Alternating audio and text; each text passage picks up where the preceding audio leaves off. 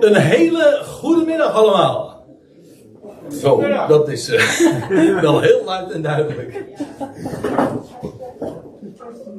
Maar die boodschap is in elk geval dan al goed overgekomen, kennelijk.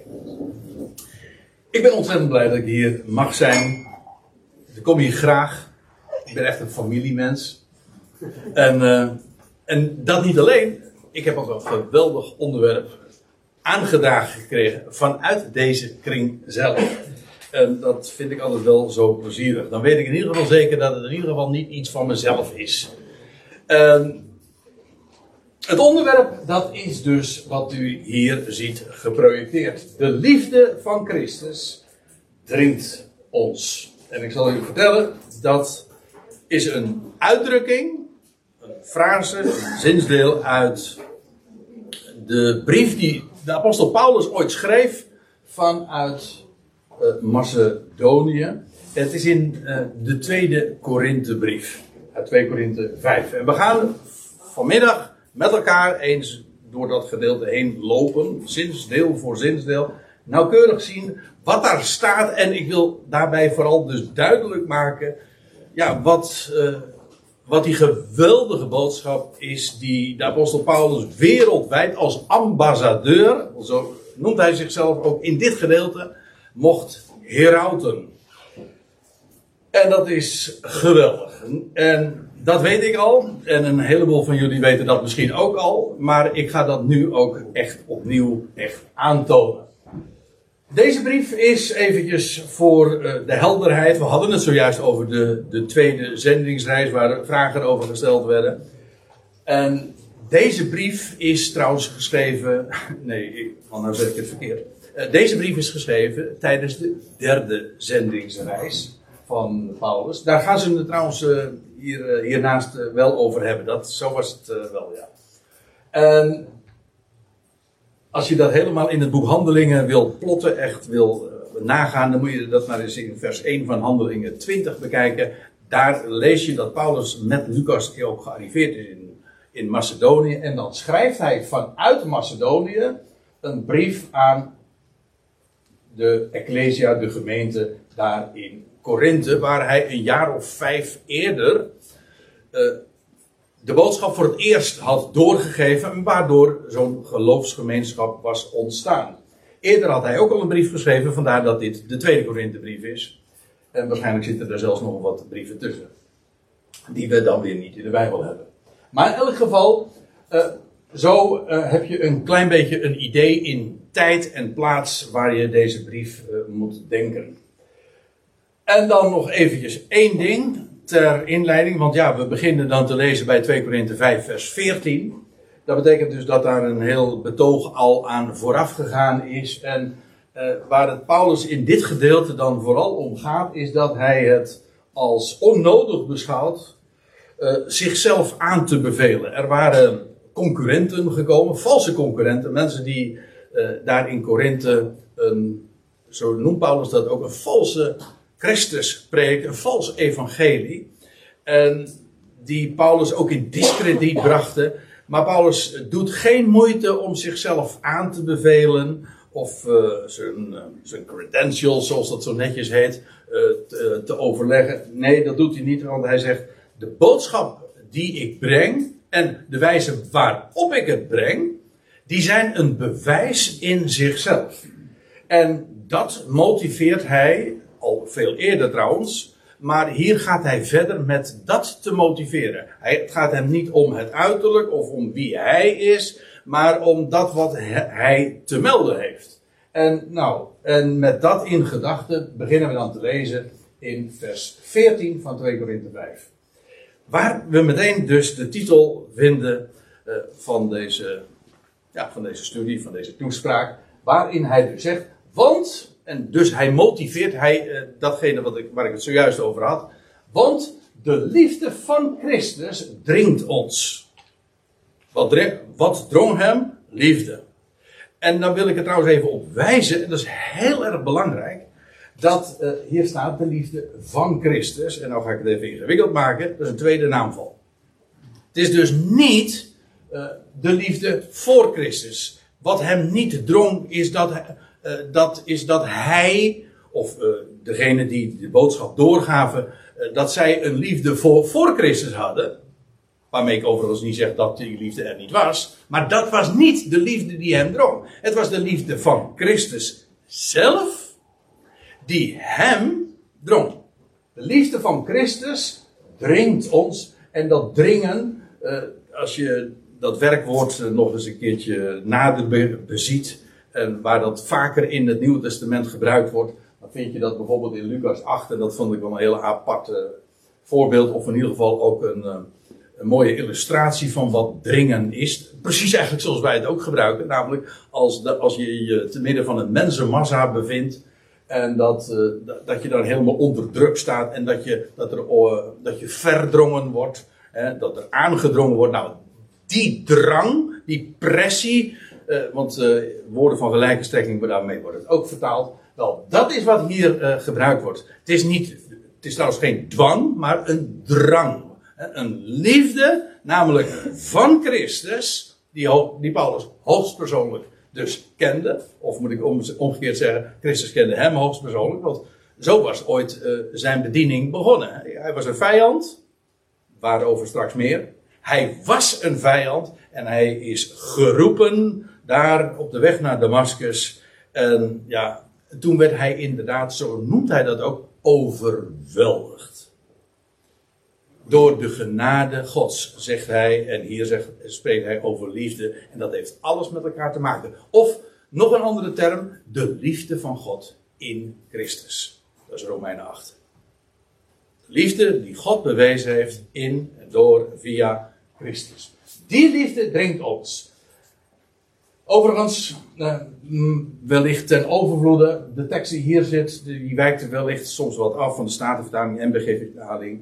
Uh, het is uh, een vooral letterlijke weergave gebaseerd op deze, zoals dat heet, interlineair, die woord voor woord weergave.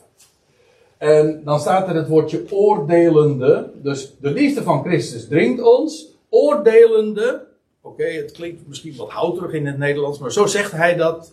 In de MBG-vertaling staat, daar wij tot het inzicht gekomen zijn. Maar het idee is dus echt uh, het woord oordelen en dan in de betekenis, in de meest letterlijke zin van het woord. Je, je, beoordeelt iets, je stelt iets vast en je trekt je conclusie. En, en dat is uh, wat Paulus uh, ertoe bracht, of wat hem drong eh, om, ja, om te doen wat hij deed en om te vertellen wat hij te vertellen had. Dat was namelijk gebaseerd op een oordeel. Hij had dingen vastgesteld en zijn conclusie getrokken. En dat, dat is van belang, want het is, als we het hebben over liefde, we kennen dat allemaal, dat fenomeen, dat als het gaat over liefde, dan wordt dat meteen, of heel gemakkelijk, uh, al uh, in de sfeer van de emotie getrokken. En ik wil niet zeggen dat dat er buiten staat, maar liefde, zeker de liefde waar het hier ook over gaat, agape, dat is, on, die is onvoorwaardelijk. Dat, het Grieks heeft allerlei vormen voor, voor liefde, allerlei woorden, filio, eros. Dat heeft allemaal te, iets te maken met de aantrekkelijkheid van de ander. Eigenschappen, sympathiek of uh, innemend, of, uh, of iemand is knap, of uh, nou ja, noem maar op dat, dat soort eigenschappen, waardoor, en dan spreken we van, nou, ik, ben daar, ik heb daar liefde voor. Ja, maar dat is dus niet de liefde waar het hier over gaat. Het is de liefde van Christus, ja, maar dat niet alleen, het is ook liefde. Agape. En dat heeft, die is onvoorwaardelijk, omdat ze namelijk niet afhankelijk is van de eigenschappen of de reactie van de ander. En het mooiste voorbeeld blijf ik vinden die de Bijbel zelf ook aandraagt, kijk het maar eens naar het begin van Efeze 5, dat is eh, de liefde van een ouder voor een kind. Die is ook onvoorwaardelijk. Een ouder, in een gezonde verhouding, een ouder, vader, een moeder, houdt niet van het kind omdat het mooi is, of omdat het aantrekkelijk is, of omdat het slim is, of omdat het heel aardig of lief is, gehoorzaam is. Nee, zelfs als al die eigenschappen ontbreken, dan nog houdt een vader of moeder van het kind. Waarom? Het is je eigen kind. Het is iets van en uit jezelf. En dat is ook de reden waarom God van deze wereld houdt. we hebben erover gezongen, toch? De liefde die God heeft voor de schepping is onvoorwaardelijk. Waarom? Het is zijn schepping. Het is werk van zijn handen en dat kan hij niet loslaten. Want het is iets wat hij zelf bedacht heeft, waar hij een plan mee heeft, wat hij gemaakt heeft. En dat kan hij never, nooit laten vallen. En dat is echt liefde. En dat is waar we het nu ook over hebben. En die liefde die heeft God bewezen in en via Christus. En dat is die liefde die Paulus drong. En tot, hij was tot dat oordeel gekomen, namelijk op grond in feite van één groot feit. Namelijk, nou, wat ik hier eh, als plaatje heb uitgebeeld, en ik begrijp meteen waar ik het over heb. Die paal, het kruis, dat ruw houten kruis, zoals we dat in een lied zingen, waar, die, waar ooit Jezus Christus aan gespijkerd werd. En uh, daar staat uh, nog even dit bij. Uh, oordelende. Hoezo werd hij gedrongen door liefde? Wel, Paulus oordeelde dat één ten behoeve van allen, of voor, mij part voor allen, maar in, letterlijk ten behoeve van allen, stierf. Ja, en dat is het meest ultieme bewijs van liefde. Als iemand bereid is voor een ander te sterven. Dat zegt de Heer Jezus in, eh, in Johannes 15. En niemand heeft grotere liefde dan hij die zijn leven geeft voor zijn vrienden. En Paulus doet er nog een schepje bovenop. In Romeinen 5. Hier ook naar verwijs. Hij zegt, nou ja, soms laat het zo zijn. Dat sommige mensen bereid zijn voor een ander te sterven. Dat kan. Hij zegt, maar God bewijst zijn liefde. Dat Christus stierf toen wij nog zondaren, wat zeg ik, vijanden waren. Kijk, dat is een liefde die dus inderdaad ook niet kapot te krijgen is. En dus met recht ook onvoorwaardelijk is. En Christus, dat is die ene uiteraard die stierf. Ja, en waarom stierf hij dan? Wel ten behoeve van allen. Kijk, Christus stierf niet alleen maar door de wereld. Ik bedoel, het was, het was de wereld die hem aan het kruis bracht. Ja, maar hij stierf ook voor die wereld. En dat, uh, kijk, het eerste, dat is een historisch feit. Het tweede geeft aan dat daar nog een plan achter zit. Het feit dat Christus stierf is niet, ja, en het feit, en, die, dat die twee samenvallen, dat is, dat, ja, dat is in feite het wonder uh, in zijn totaliteit. Juist omdat de wereld het, Christus, de Zoon van God, vermoordde. En God juist dat als aanleiding nam om die wereld te redden. En dat bewijst de liefde van God. Eén stierf ten behoeve van alle. Hij stierf door de wereld, ja, maar ook voor de wereld. En juist dat bewijst het ultieme van de liefde. Ik kom er straks nog even op terug, of het komt vanzelf nog wel wat, misschien wat scherper aan het licht. Ja, ten behoeve van allen. En ik denk dat we, ja, uh, nooit genoeg kunnen, be, uh, kunnen benadrukken en onderstrepen dat het inderdaad voor allen is. En dat allen betekent niemand uitgezonderd. Hij stierf voor wie? Wel voor al die miljarden mensen die al geleefd hebben, die nu leven, die nog gaan leven. Al die mensen, hij stierf voor hen allen. Ja, nou, ik ga, het niet, ik ga het niet het lijstje langs, want het lijstje zou trouwens nog veel langer te maken zijn. Uh, maar waarin dat allemaal naar voren gebracht. Er is één God, zegt Paulus in 1 Timotheus 2. En één middelaar van God en mensen. De mens Christus Jezus, die zichzelf gegeven heeft tot een losprijs voor. Ja, velen staat er ook nog. Ja, dat, maar dat is trouwens in, in de team. Ja, dat is een goede, de scherp. Ja, mensen hebben soms trouwens een tegenstelling gemaakt tussen. Ja, maar er staat, er staat niet, daar staat niet velen, of uh, niet allen, daar staat velen. Dus dat is niet allen. Wat een rare conclusie is, als u het mij vraagt. Want velen en allen zijn helemaal geen tegenstelling. Toch? Nee, ik bedoel, als, als, uh, als Christus stierf voor allen, dan zijn dat er velen, toch? Dus dat is geen tegenzin. Het ene benadrukt dat er geen uitzondering is, allen. En velen wil zeggen, het is een heel groot aantal. En beide klopt. Dus je mag die twee nooit uh, tegen elkaar uitspelen. Ook logisch gezien is dat eigenlijk bizar om dat te doen. Uh, ja, dat. Uh, kijk maar eens naar, naar al die teksten. dat Christus, hoe staat het in Johannes 2? Ook Johannes getuigt ervan. Dat hij stierf voor onze zonde. En zegt hij er dan bij: niet alleen voor de onze, maar voor de gehele wereld. Alsjeblieft. Ja, uh, dit is zo elementair, omdat dit namelijk ook precies illustreert en bewijst waar ik het over heb, namelijk dat de liefde van Christus en de liefde van God in Christus onvoorwaardelijk is. En dus allen omvat het. Er zijn geen beperkingen, het, is, het sluit niemand uit en het is all inclusive. Uh, deze is wat lastiger dan moet je echt Paulus' uh, gedachtegang kennen, zijn onderwijs kennen, om deze conclusie uh, meteen te begrijpen. Want oordelende dat één ten behoeve van allen stierf, en dan zegt hij er dan bij, dus stierven allen. En dan denk je, wacht even, hoe, hoe is hier de gedachtegang?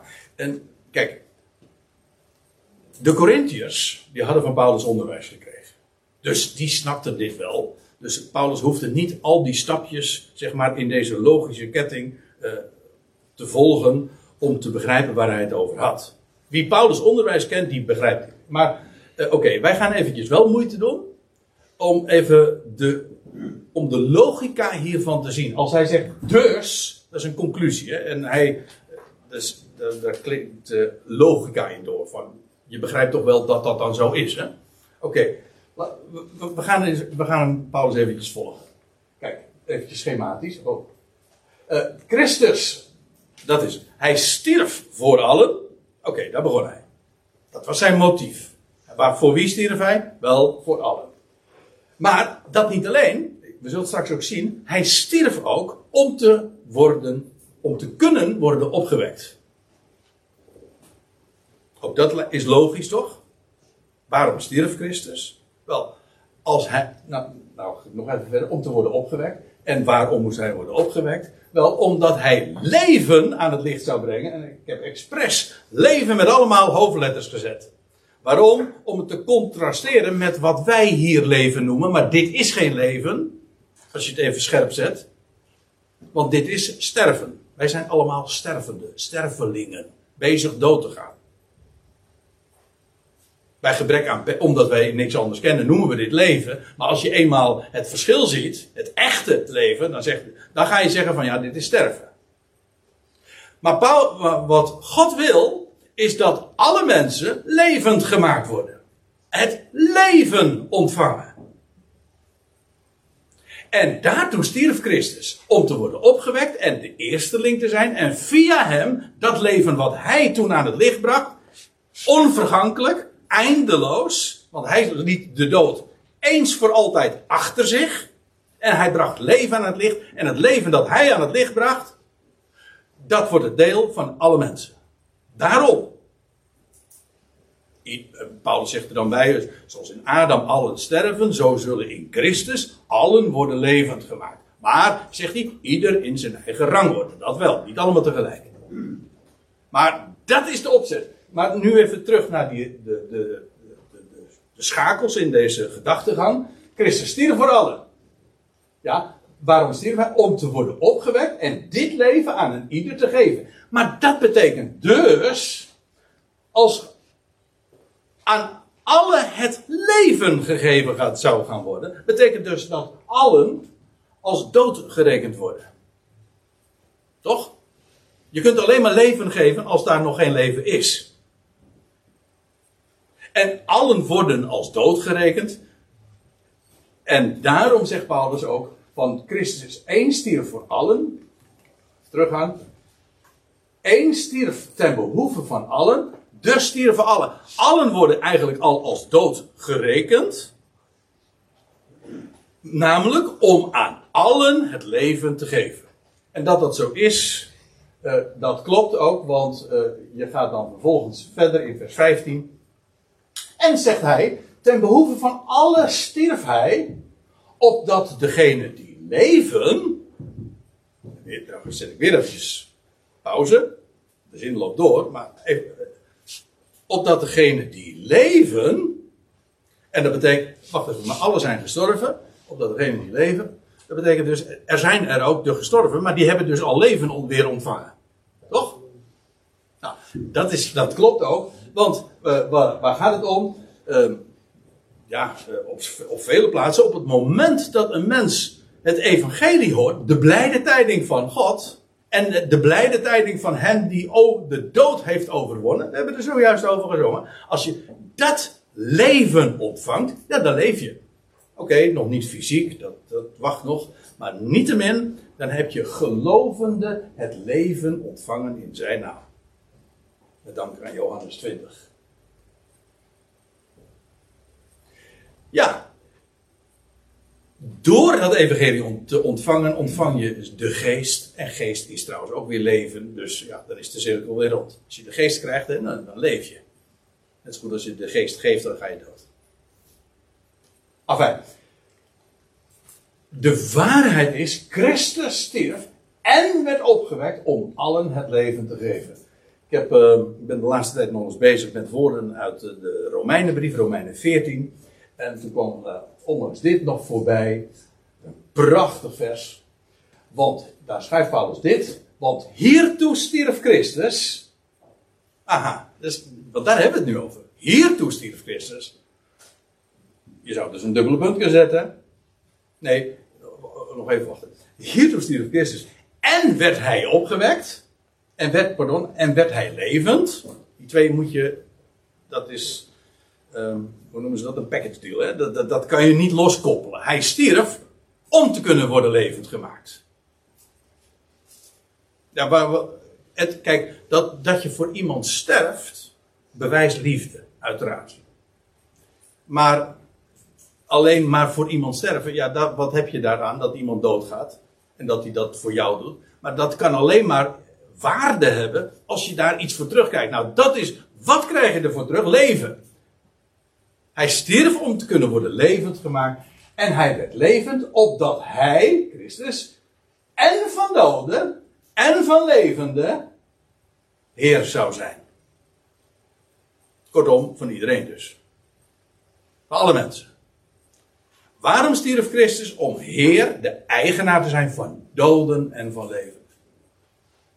En dat betekent dus, ja, hoe kan je, eh, wat iemand die dood is, ja, die is dood. Ja, die leeft dus niet.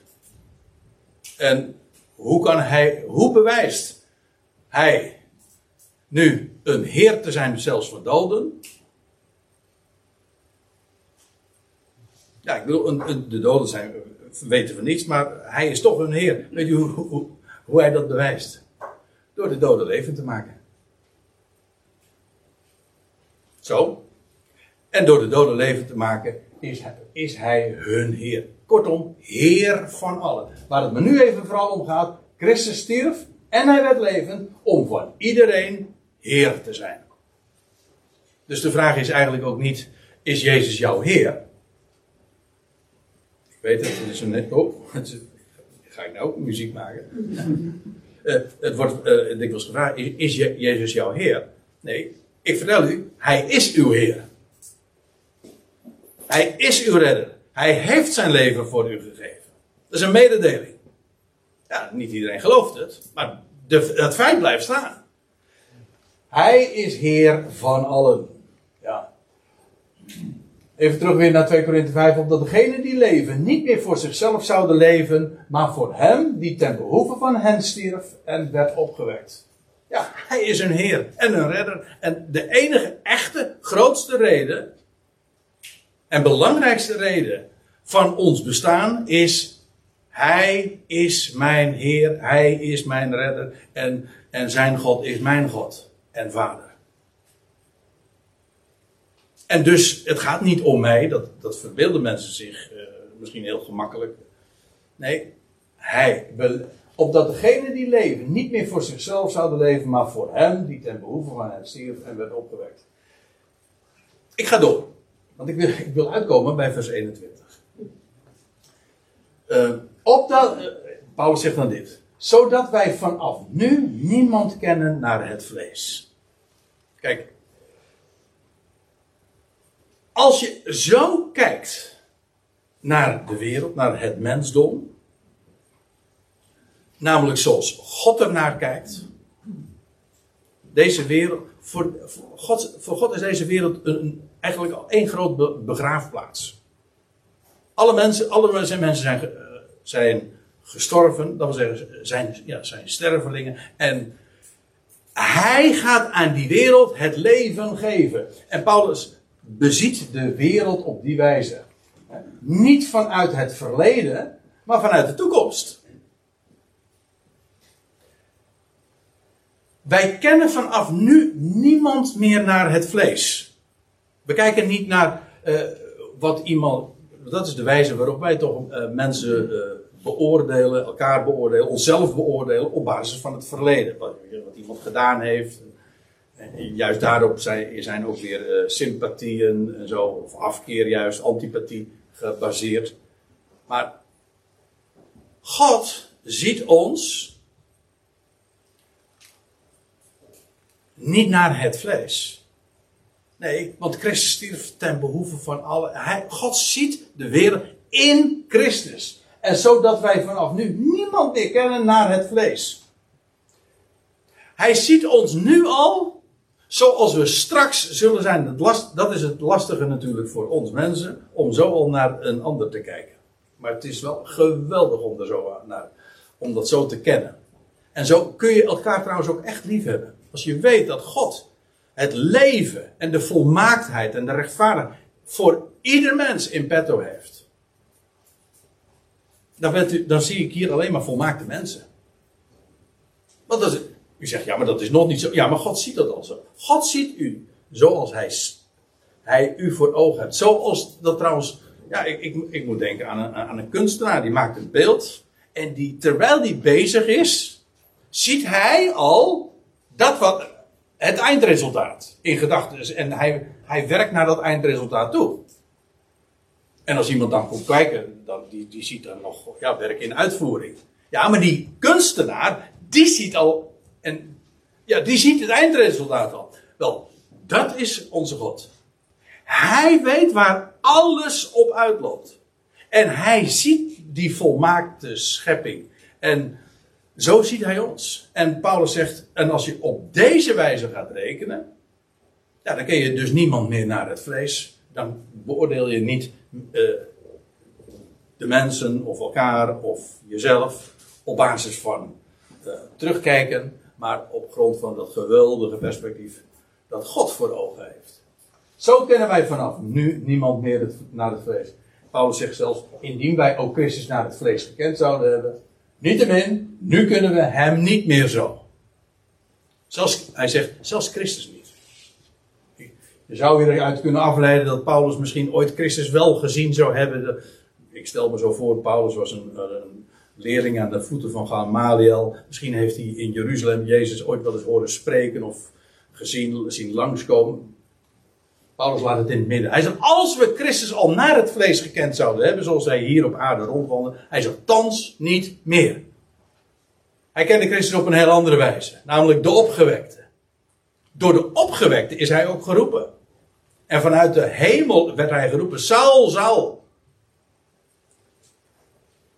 Wij kennen Christus niet meer naar het vlees. Hij zegt echt, als we het al gekend zouden hebben, niet meer. Nu kunnen we hem, kennen we hem nu uh, niet meer zo. Zo dan, zodat indien iemand in Christus is, dan is hij een nieuwe schepping. Als je nu al dat weet en kent en het leven hebt ontvangen, dan ben je dus in Christus. Ja, uh, dan leef je dus in feite al aan de andere kant van het graf. En dat zijn termen die Paulus zo vaak in zijn brieven uh, optekent en ons onderwijst met Christus opgewekt. Christus werd opgewekt, ja, maar wij met hem. Zo ziet God ons. Dus in een totale nieuwe hoedanig, een nieuwe schepping. Zo kennen wij vanaf nu niemand meer in, uh, naar het vlees. Ja. En indien iemand in Christus is, dan is hij een nieuwe schepping. De oorspronkelijke, of de oude dingen zo u wil, die zijn voorbij. Zie, het is nieuw geworden. Kijk naar Christus, de eersteling, die werd opgewekt uit de doden. Hij is de eersteling en in hem, in de knop zeg maar, zit alles vervat. Want heel de mensheid gaat daarin volgen. En daar zijn eerstelingen en, er zijn, en wij mogen dat nu al kennen, maar ook daaruit leven. Gewoon de praktijk. Uh, die nieuwe schepping die in Christus aan het licht gekomen is, dat is iets compleets nieuw, volmaakt. En dan kun je met recht zeggen, zie het nieuwe is gekomen. En dan zie je dus eigenlijk uh, niet meer naar het vlees met deze ogen, maar dan kijk je met de ogen van God. En dan zie je volmaaktheid, en dan zie je licht, en dan zie je leven, en dan zie je, ja, daar ontbreekt niks aan. Een totale nieuwe schepping. Zie, het nieuwe is dan gekomen in Christus. Paulus zegt bij, alles is echter uh, uit God. Ja. Waar ik het nu over heb, heb ik, ik ben nu totaal voorbij gegaan aan wat een mens kan doen. Of zou moeten doen. We hebben het er niet over gehad. dit is. We we hebben het over wie God is. Over wat zijn plan is. En hoe hij dat in Christus bewezen heeft. Ja, al, alles is uit God. Ja, dit, kijk, een mens heeft dit niet bedacht. Een mens heeft dit niet gecreëerd. Een mens kan, heeft er ook geen bijdrage aan geleverd. En het allermooiste is, een mens kan het ook niet ongedaan maken. Er is namelijk niks van de mens bij. Hij kan er niks aan doen, maar hij kan er ook niks aan afdoen. Prijs God. Want ja, daarom is het ook werkelijk een blijde tijding, een goed bericht. Want uh, je kunt er niks aan doen, je hoeft er niks aan te doen en je kan er ook niks aan afdoen.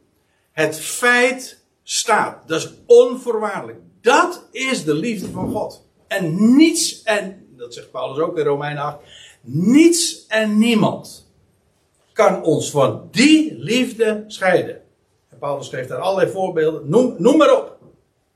Iets in de schepping wat een bedreiging zou kunnen vormen. Ja, maar niets en niemand kan ons van die liefde Gods in Christus scheiden.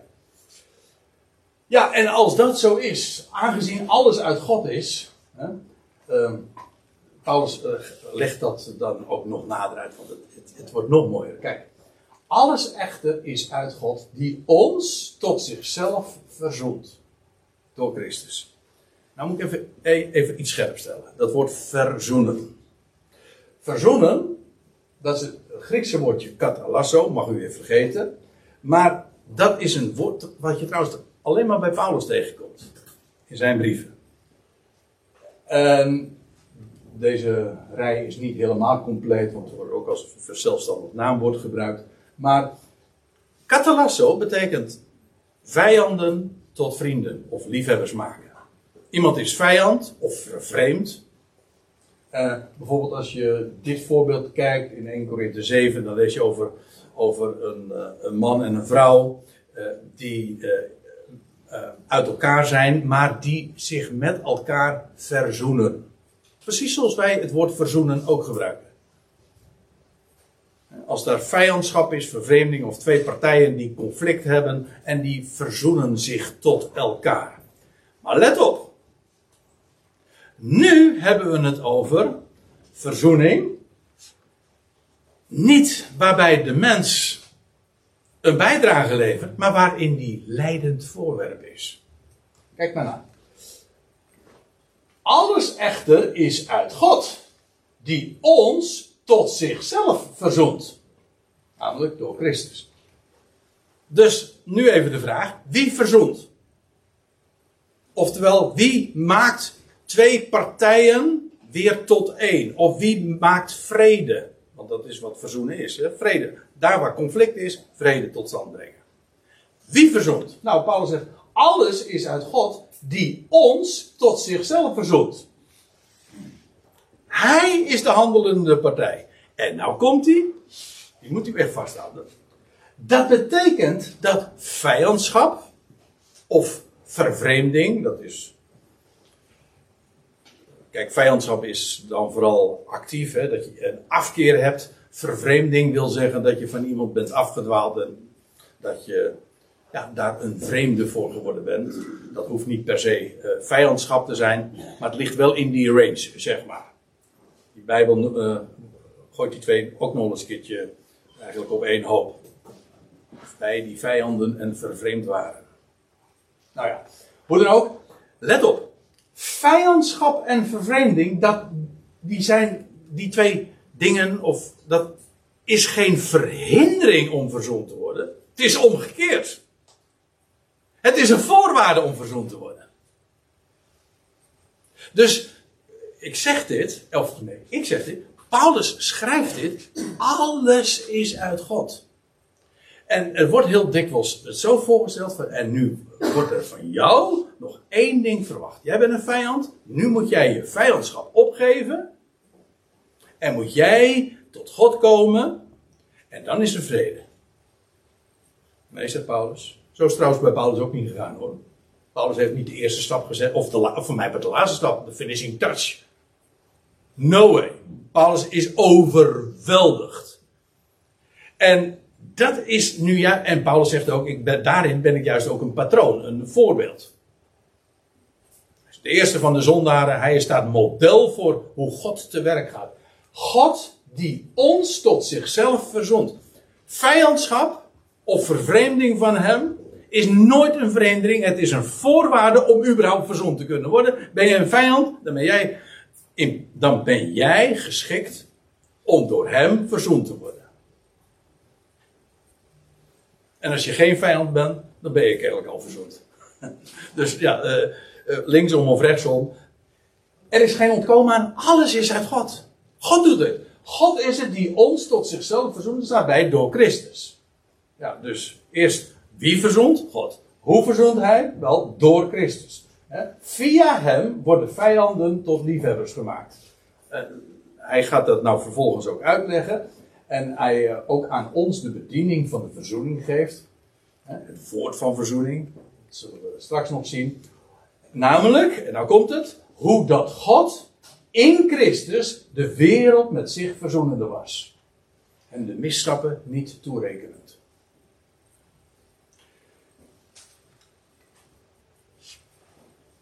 Dit, is, dit gaat zo diep. Dit gaat trouwens ook weer, uh, dit slaat weer terug op waar hij het in vers 14 en 15 over had. Eén stierf voor allen.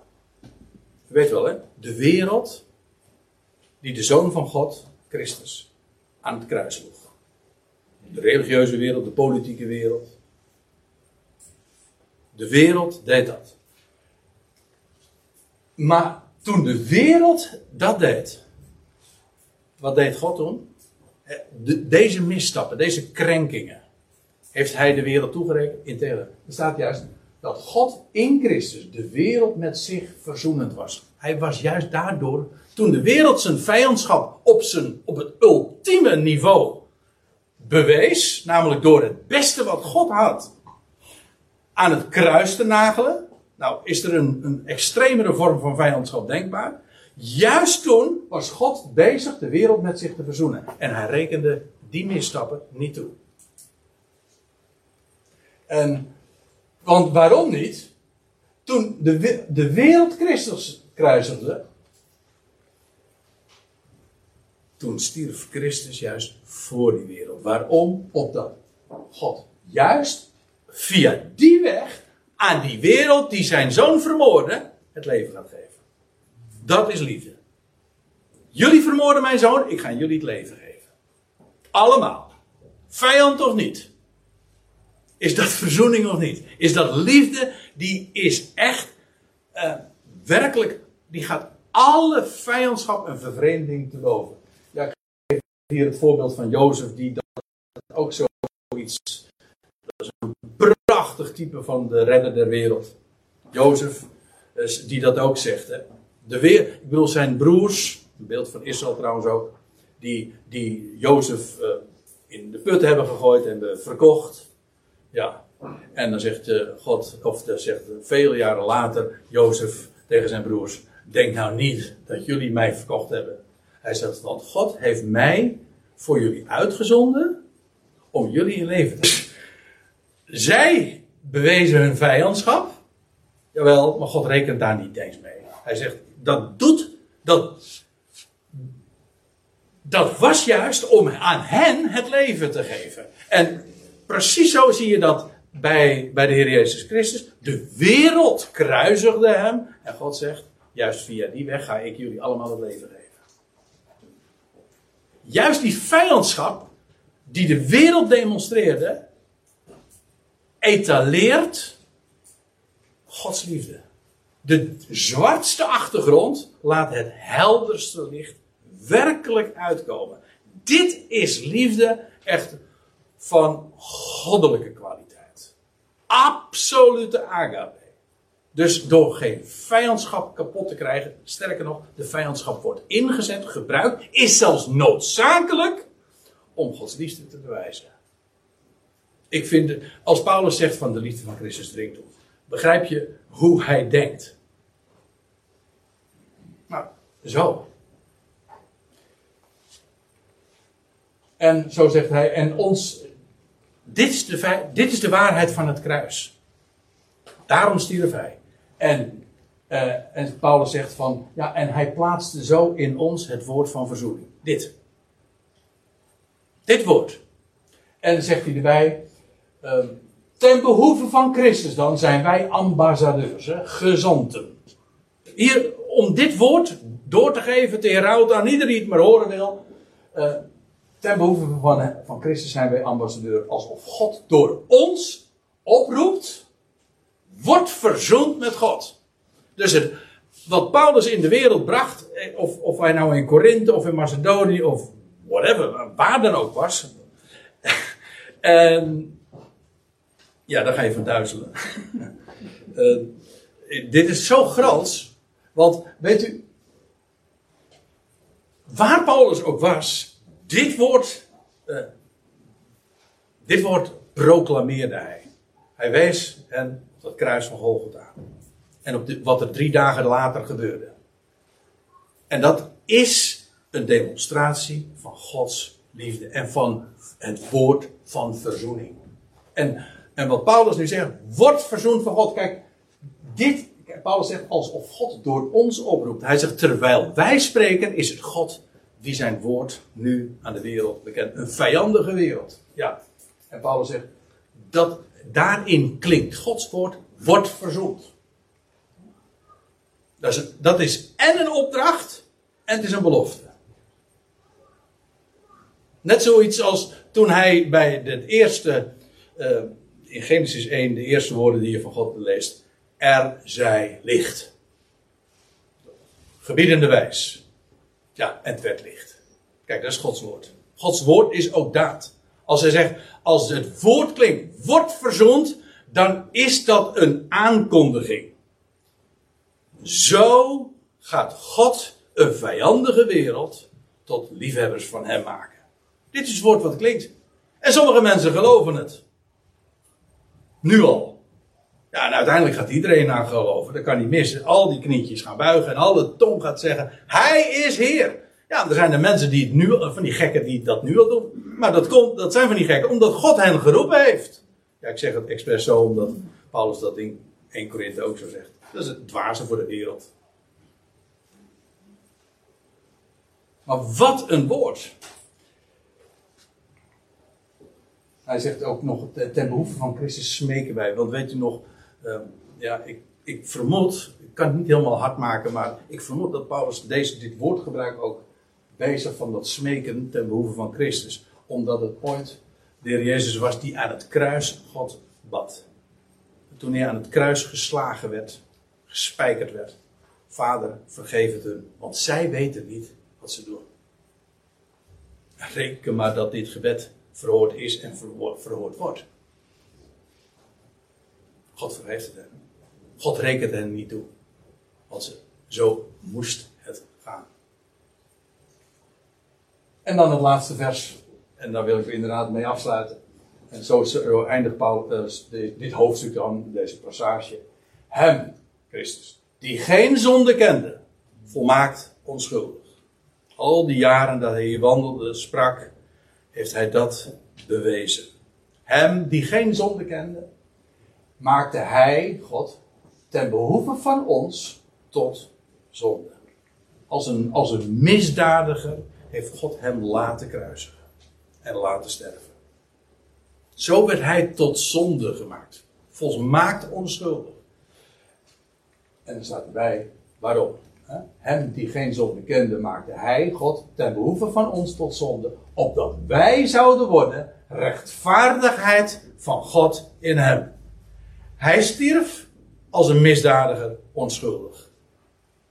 Waarom? Opdat wij, gelovigen, maar uiteindelijk heel de wereld, heel de mensheid, want voor allen stierf hij, onvoorwaardelijk, opdat wij zouden worden rechtvaardigheid van God in hem. Rechtvaardigheid betekent inderdaad dat je. Betekent, dat gaat nog veel verder dan dat het je, de dingen je vergeven zijn. Vergeven wil zeggen dat je, hebt, je bent eigenlijk niet rechtvaardig, maar het wordt je niet toegerekend. Nee, wij zijn een nieuwe schepping. Zonder zonde. Volmaakt. Ja, hoe? In Christus. In hem is het nu al een realiteit. De garantie ligt er al. En en ja, de truc, als ik het even zo mag zeggen, is: dat is wat leven in geloof is. Wij kijken nu al zo naar elkaar en naar de wereld zoals God dat ziet. Dat is in geloof. Geen mens ziet het nog, wij zien het ook niet met onze ogen, maar we weten het. Zo heeft God het gezegd en zo rekenen we. En dit, en dit, en dit, dit vertellen we. Dat is de liefde van God in Christus Jezus. Die kapot te krijgen. Onvoorwaardelijk.